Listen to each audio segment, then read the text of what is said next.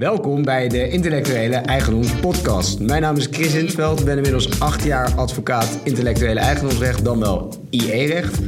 En naast mij zit. Dominique Geerts, ik ben inmiddels drie jaar advocaat intellectueel eigendomsrecht. Nou, en samen gaan wij uh, deze podcast opnemen. Deze podcast is met name gericht op ondernemers zonder juridische uh, achtergrond, die zich uh, met name interesseren in intellectuele eigendomsrecht en informatietechnologie. En vandaag gaan wij de volgende onderwerpen behandelen. Ja, we gaan het hebben over uh, merkgebruik. Even in het algemeen. Wat is toegestaan? Mag je zomaar een merk van een ander gebruiken om je eigen product aan de man te brengen? Uh, Google AdWords en de grenzen van wat is toegestaan wat betreft het merkgebruik van een concurrent via Google AdWords. De situatie werknemer-opdrachtnemer. Als een van die twee iets maken waar intellectuele eigendomsrechten op rusten, bij wie liggen die rechten dan? Bij de werkgever of bij die persoon zelf. En tot slot gaan we het hebben over het octrooirecht. Dat ziet op uitvindingen. Zullen we maar van wal steken? Nou, dat lijkt me een uitstekend idee. Een vraag van iemand die we binnen hebben gekregen. Een jonge ondernemer ziet op het, uh, het merkrecht. Dat is eigenlijk een vrij basale vraag, maar het speelt denk ik wel erg in de praktijk. Namelijk, mag je een naam gebruiken voor je onderneming als je weet dat een andere onderneming die naam ook gebruikt, maar dan voor een ander soort dienst of product? Um, nou, deze jonge ondernemer had een, een, naam bedacht voor zijn onderneming en heeft zelf al het merkenregister gecheckt. Dat is natuurlijk uh, ja. heel handig. Wat is, wat is het merkenregister? Misschien dat niet iedereen uh, even op de hoogte is van dergelijke dingen? Uh, nou, een, merkrecht kun je alleen krijgen door inschrijving. Dat betekent dat je uh, uh, je merknaam moet registreren. En alle geregistreerde merknamen, dus beschermde merken, die zijn dus ook terug te vinden in een merkregister. En die heb je, een, je hebt een Benelux merkregister, je hebt een Europees merkregister. en zo kun je dus checken welke merknamen er al bestaan. Deze jonge ondernemer die had dus het merkregister gecheckt en die zag, uh, nou, mijn naam die ik wil gebruiken voor mijn onderneming, die bestaat al. Dat is een ingeschreven merk, maar uh, wordt het gebruikt voor een, een ander soort product of dienst waar ik mijn onderneming uh, onder ga drijven. Nou, eigenlijk dus, dus stel je voor, ik wil het merk, ja, verzinnen ze wat een, een, leuk merk voor strandballen. En uh, hetzelfde merknaampje uh, is ook al geregistreerd voor een banketbakkerij, zoiets dergelijks. Ja. Zit je dan in elkaars vaarwater? Dat is eigenlijk, was eigenlijk zijn vraag. Mag ik die naam nog gebruiken als het al bestaat voor een ander soort dienst? Um, nou, het antwoord is eigenlijk uh, vrij simpel. Uh, een merk bescherm je voor bepaalde waren en diensten. Dus je moet als je een merk gaat registreren aangeven van en waar, ga je die naam voor gebruiken. En dat uh, vormt eigenlijk de beschermingsomvang van je merk. Um, dus gebruik voor hele andere producten en diensten is in principe toegestaan. En een mooi voorbeeld daarvan, een bekend voorbeeld daarvan, is Ajax is een naam van een voetbalclub, maar het is ook de naam van een schoonmaakmiddel. Niet zomaar een voetbalclub voetbalclub. Niet zomaar een voetbalclub, Chris, daar heb je gelijk in. um, dus in principe, hè, als je niet in elkaars vaarwater zit, dan is het er gewoon toegestaan. Daar moet een kleine kanttekening moet ik daarbij zetten. Is uh, als het echt gaat om een heel bekend merk. Uh, en jij met de gebruik van dat merk meelift op, op dat succes, dan uh, kan het wel verboden zijn. Dus ik zou niet de naam Coca-Cola gaan gebruiken voor jouw nieuwe onderneming. Want dan kom je in de problemen. Nou, denk dat we daar wel uh, voldoende antwoord hebben gegeven op de vraag of je zomaar de naam kan gebruiken die al eerder door iemand anders is gebruikt voor een ander uh, dienst of product. Precies. Vraag 2. Wil jij die introduceren? Ja, dat vind ik eigenlijk wel een leuke. Uh, zoals aangegeven doe ik ook wel redelijk wat transactiewerk, due diligence, boeken en nou, overeenkomstenonderzoek bij de verkoop van een ondernemer, van een onderneming, excuus. Um, ja, en daar, daar speelt toch wel vaak op het IE-recht de vraag of uh, de vennootschap die wordt verkocht wel beschikt over alle rechten die zij uh, denken te hebben gecreëerd. En dan denken we bijvoorbeeld aan een onderneming die een mooi softwareproduct heeft gemaakt en daarbij gebruik maakt van een aantal uh, developers in dienst. Maar ook nou ja, ZZP'ers die zij af en toe inhuurt als het druk is. en dan rijst de vraag of alle rechten dan wel in de vennootschap zitten.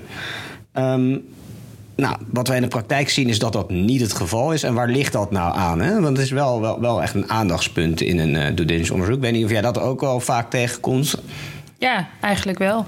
En dan uh, inderdaad uh, maken we vaak een onderscheid tussen wat werknemers maken en, en wat derde partijen, dus opdrachtnemers, hebben gemaakt. Want dat ligt juridisch gezien dus ook wel anders. Dus ik denk dat we zo de vraag ook een beetje moeten inkleden.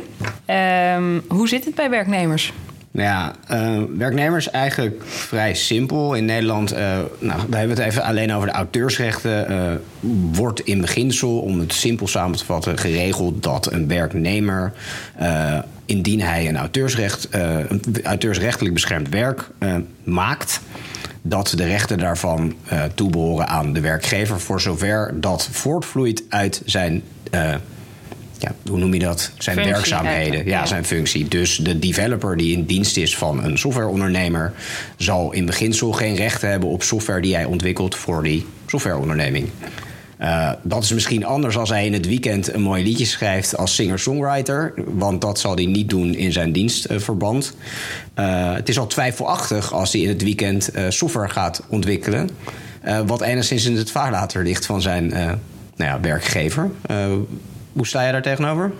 Ja, eh, wat dat betreft eh, is er nog een soort van uh, gat, denk ik. En is het dus als werkgever goed om, uh, om, om dat gat eigenlijk dicht te timmeren. Hè? Want uh, inderdaad, als jouw werknemer iets maakt wat niet helemaal in de lijn van zijn functie ligt, dan kom je op, op grond van de wet misschien al in de problemen als werkgever.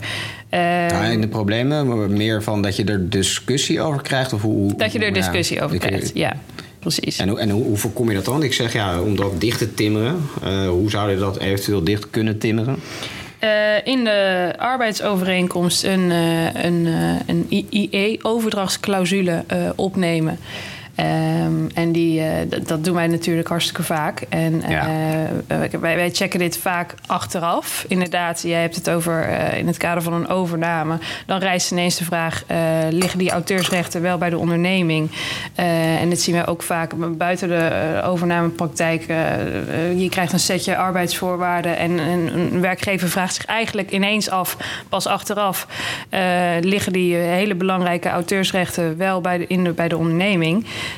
Um, en uh, ja, daar doen wij vaak een juridische check op. Maar eigenlijk moet het natuurlijk hè, bij het opstellen van een arbeidsovereenkomst moet dit al uh, uh, moet hier al over nagedacht worden. Ja, misschien ook goed om even nog te benadrukken. Hè? Stel dat je er dan in zo'n onderzoek achter komt dat het niet bij de onderneming ligt, dan is er alsnog geen man overboord.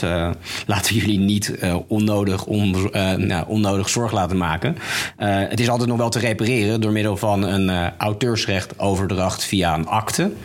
Uh, dat, dat klinkt heel interessant, maar het is eigenlijk iets, uh, een, simpel documentje waarin uh, de werkgever en de werknemer afspreken dat de IE-rechten overgaan. Zoals jullie wellicht ook kunnen voorstellen, vereist dat wel dat beide partijen willen meewerken. Dus daar zou mogelijk een probleem kunnen zitten. Misschien op het moment dat de werknemer doorkrijgt dat er veel geld wordt betaald voor de ondernemer, voor de onderneming, dan zou die misschien wel wat meer geld voor willen dan dat hij van tevoren zou willen doen. Dus het is niet altijd een goede onderhandelingspositie. Nou kan dat ten aanzien van werknemers natuurlijk nog iets makkelijker geregeld worden. Maar met derden, uh, stel je voor je hebt de softwareontwikkeling uh, ZZP'er ingeschakeld... en je moet terug met de vraag zou je nog even de rechten willen overdragen... dan zou die ontwikkelaar wel eens kunnen denken daar valt wat te halen. Dus dat is in principe niet altijd een goede onderhandelingspositie... maar het valt wel te regelen. Ja, en dat is misschien een mooi bruggetje naar de situatie uh, opdrachtgever, opdrachtnemer. Ja, nou, ga, ga je gang. Ja, jij ziet een heel mooi bruggetje. Ik zie een prachtig bruggetje.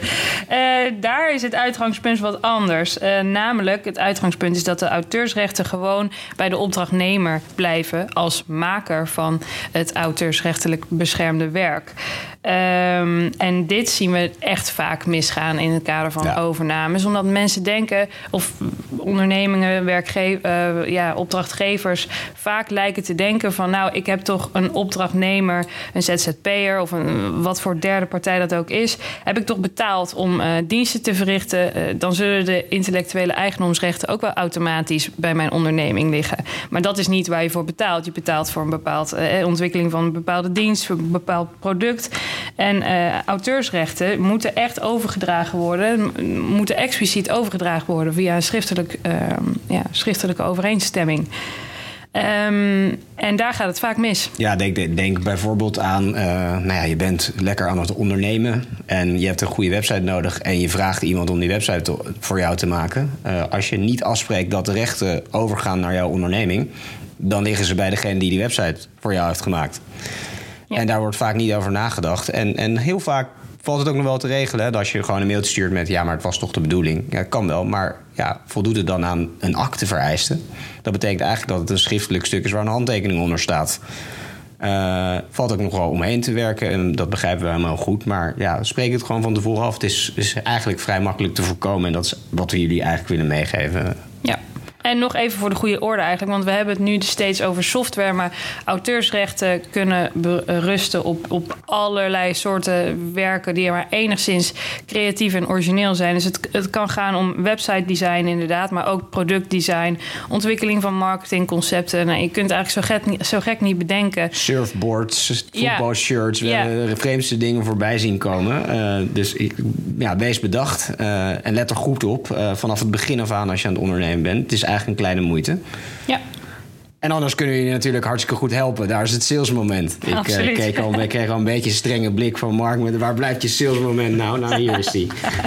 Uh, over sales gesproken en wederom weer een super bruggetje. Google AdWords. Yes. Uh, ja, eigenlijk wel een beetje jouw stokpaardje, denk ik. ja, is dat zo, denk je? Nou, denk het wel. Oké, nou dan ga ik hem ook introduceren ook. Um, wij kregen een vraag. Mag je een merknaam van je concurrent inkopen via Google AdWords? Um, dit is natuurlijk een hartstikke mooie marketingmethode voor je eigen onderneming. Wacht even, ik, waarschijnlijk weten heel veel mensen het, maar voor de enkele luisteraar die geen idee heeft wat Google AdWords zijn, heb je een kleine recap van wat het is? Ja, je, je kunt via de Google advertentiedienst inkopen op bepaalde zoekwoorden. Uh, dus jij als, uh, als internetgebruiker zoekt op een, uh, een Nike, wil een Nike t-shirt kopen, je typt Nike in. Hoe kan het dan dat Adidas boven in de zoekresultaten komt en niet alleen Nike. Dat komt omdat Adidas ook op het zoekwoord Nike heeft uh, ingekocht. Uh, zodat zij zo hoog in de zoekresultaten terechtkomen. En dat is hoe Google AdWords werkt, heel kort door de bocht. Um, en dit, dit, deze vraag krijgen wij vaak. Uh, is dit toegestaan? Want je gebruikt in principe een merk van een ander om jouw eigen dienst aan te prijzen. Kan heeft het alleen te maken met, merken? Of kan ik bijvoorbeeld ook uh, namen, termen, uh, nou, verschillende woordcombinaties inkopen die ik gewoon zo gek ik maar kan verzinnen? Ja, dat kan natuurlijk absoluut. Ja.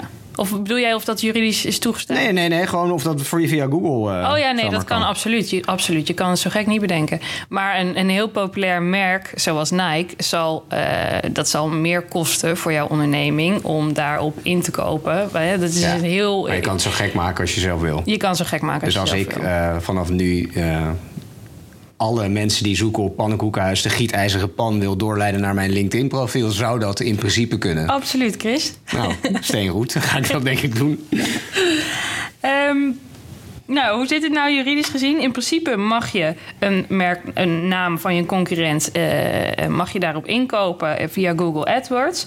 En ik noemde net al het voorbeeld Nike en Adidas. Dat is een, eigenlijk een mooi voorbeeld omdat duidelijk is voor de internetgebruiker. Uh, ik heb op Nike gezocht, komt toch bij de website van Adidas uit. Zolang het duidelijk is voor de internetgebruiker dat hij bij Adidas uitkomt, is dit toegestaan en is dat gewoon gezonde concurrentie.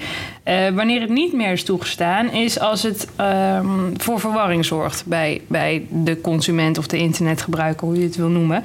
Uh, en daar, daar, kan sprake van zijn als je, uh, je, zoekt, je, je bent op zoek naar een bepaalde onderneming, je komt bij een ander zoekresultaat uit zonder dat je je daar echt bewust van bent. En dat kan bijvoorbeeld zo zijn als, je, als de advertentie vaag is of heel onduidelijk wat de herkomst van de advertentie is. Ja, ik vind dit uh, vaag. Wat is een vage advertentie?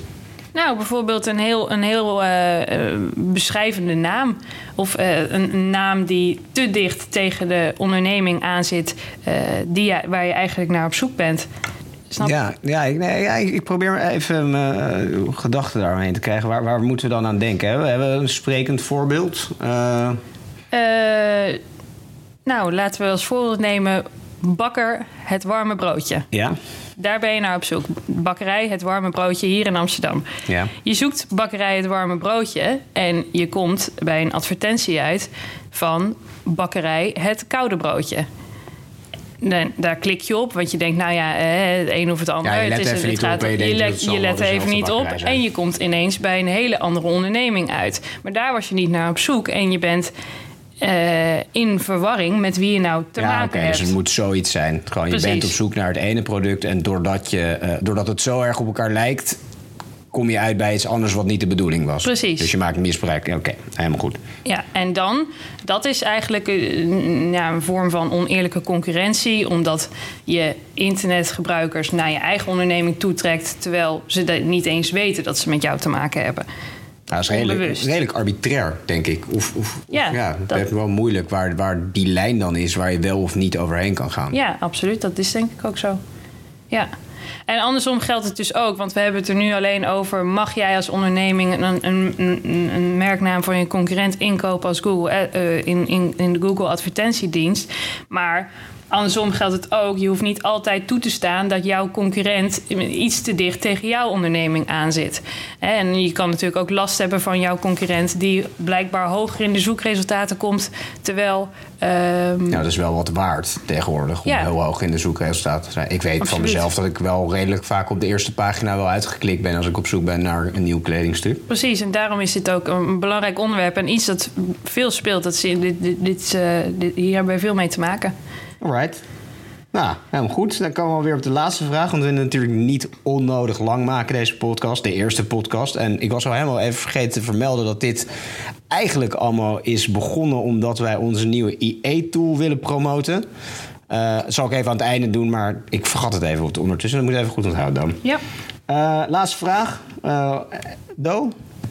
Ja, we hebben een eh, vrij specifieke vraag gekregen. Die ziet op het octrooirecht. En het octrooirecht beschermt uitvindingen. Dat is een, eh, een vrij specifiek rechtsgebied. En die, die vragen zijn ook iets te gedetailleerd, denk ik, om hier allemaal te bespreken. Maar we, we halen er een paar uit die, denk ik, voor veel ondernemers relevant zijn. En de eerste vraag is eigenlijk: wat is het voordeel van een octrooirecht? Nou, zoals ik al zei, het octrooirecht ziet op uitvindingen.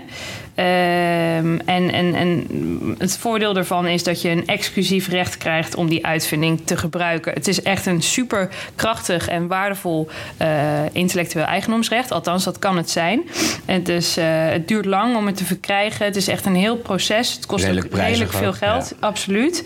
Ehm, maar ja, er zijn, er zijn bedrijven die hier eh, die, die volledig, die al hun inkomsten halen uit de, de octrooirechten die ze hebben. Ja, denk aan de medicijnindustrie, denk ik. Hè? Precies, farma-industrie. precies, eh. precies. Dus, ehm, en, nou ja, dus je krijgt een exclusief recht voor het, eh, het gebied waar jij je octrooi hebt beschermd...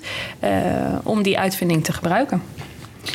Ehm, kan je een octrooi aanvragen op een onderzoek dat al bekend is? En dat is denk ik een, een, een- wel een belangrijk punt. Vooral voor jonge ondernemers die erover nadenken om oct- octrooibescherming aan te vragen. Een, een belangrijk vereiste van octrooibescherming is dat het nieuw is. En dat is dat de uitvinding nog niet bekend mag zijn. Het is dus van heel groot belang dat je je uitvinding, geheim houdt... tot de dag waarop je octrooiaanvraag eh, wordt ingediend. Dus je mag die uitvinding niet eerst openbaar maken. En openbaar maken, gewoon zoals het eigenlijk het woord het al zegt. Niet op internet zetten, niet Precies. bespreken met anderen zonder dat je er iets Niet in je bedrijfspresentatie zetten, wat dan ook. Dus je moet het echt. eh, je kan niet denken: Goh, ik heb iets, ik heb iets moois uitgevonden en dat eh, is blijkbaar eh, waardevol. Dus ik ga nu nadenken over, over octrooibescherming. Dat moet je dus hebben gedaan voordat je. Eh, nou als je geld nodig hebt eh, van een investeerder? Maar ja, die investeerder gaat natuurlijk niet zomaar een zak geld bij je neerleggen. Eh, Nee, en dat is eigenlijk inderdaad een goed punt. Als jij. Eh, als het echt nodig is om je uitvinding met anderen te bespreken, en dat zal inderdaad het geval zijn als je met po- potentiële investeerders om de tafel zit, gebruik dan een geheimhoudingsovereenkomst, zodat je echt zeker weet dat die uitvinding binnen de vier muren blijft. ja, en dan gewoon de geheimhoudingsovereenkomst. Sommige mensen noemen het NDA. Ja. Omdat we ja, ervan houden om Engelse termen aan dat soort dingen te hechten. Eh, ja, nee, maak daar gebruik van. Eh, als tip, er zijn veel NDA's te vinden, ook op internet. Google erop, zou ik zeggen. En je kan veel voorbeelden vinden als je niet een op maat gemaakte wil, wat niet altijd nodig is. Ja. Ehm, ja, laatste, laatste vraag van dit octrooistuk. Uh, is er een octrooi aangevraagd? Als je een octrooi aanvraagt in Nederland, is dat dan geldig in het buitenland? Uh, nou, in beginsel niet. Een octrooi is alleen maar geldig in het land waarop je dat hebt aangevraagd. Het is wel mogelijk om bijvoorbeeld een EU-octrooi aan te vragen. Uh, maar wat daar specifiek aan is, is dat dat eigenlijk een gecombineerde aanvraag is voor alle landen die in de EU vallen. En elk land zal dat dan apart wel nog moeten valideren. Uh, ja. Dus het is wel een pakket wat je in één keer aanvraagt, maar het zijn allemaal losse aanvraagjes, als ik het maar even zo kan omschrijven. Ja, en dus, dat, sorry dat ik je nee. Uh, van deze ondernemer uh, was vooral de vraag: als ik een Nederlands octrooi heb, um, hoe zorg ik er dan voor dat een Chinese onderneming daar niet mee aan de haal gaat? Ah. En dat is natuurlijk erg, ja, dit speelt natuurlijk ontzettend in de praktijk. Um, maar die zetten we achter de betaalmuur. Dus als je je dat wil weten, bel dan de IE-sectie. Uh, of heb je daar wel een klein inkijkje in? Nou, misschien een heel klein inkijkje. Uh, ja, dat, dat, dat is lastig. Een Nederlands octrooi biedt dus alleen bescherming in Nederland. Helaas een beetje een dooddoener, maar... Uh, nou, top. Ja. En mocht je het wel echt willen weten, dan moet je gewoon even bellen. Ja. we hebben daar altijd een oplossing voor. Ja. En mocht je nou denken, hoe zit het eigenlijk binnen mijn onderneming met de intellectuele eigendomsrechten? Nou, dat is toevallig, want wij hebben zeer recentelijk een IE-tool ontwikkeld. waarmee je op een gemakkelijke wijze inzicht kan verkrijgen in het beschermingsniveau van de intellectuele eigendomsrechten binnen jouw onderneming. En wat kan je daar dan mee doen? Daar komt een uh, heatmapje uit en dan kun je zien uh, hoe doet mijn onderneming het eigenlijk en uh, waar, wat zijn onze focuspunten. dit is gratis, duurt maar een paar minuutjes.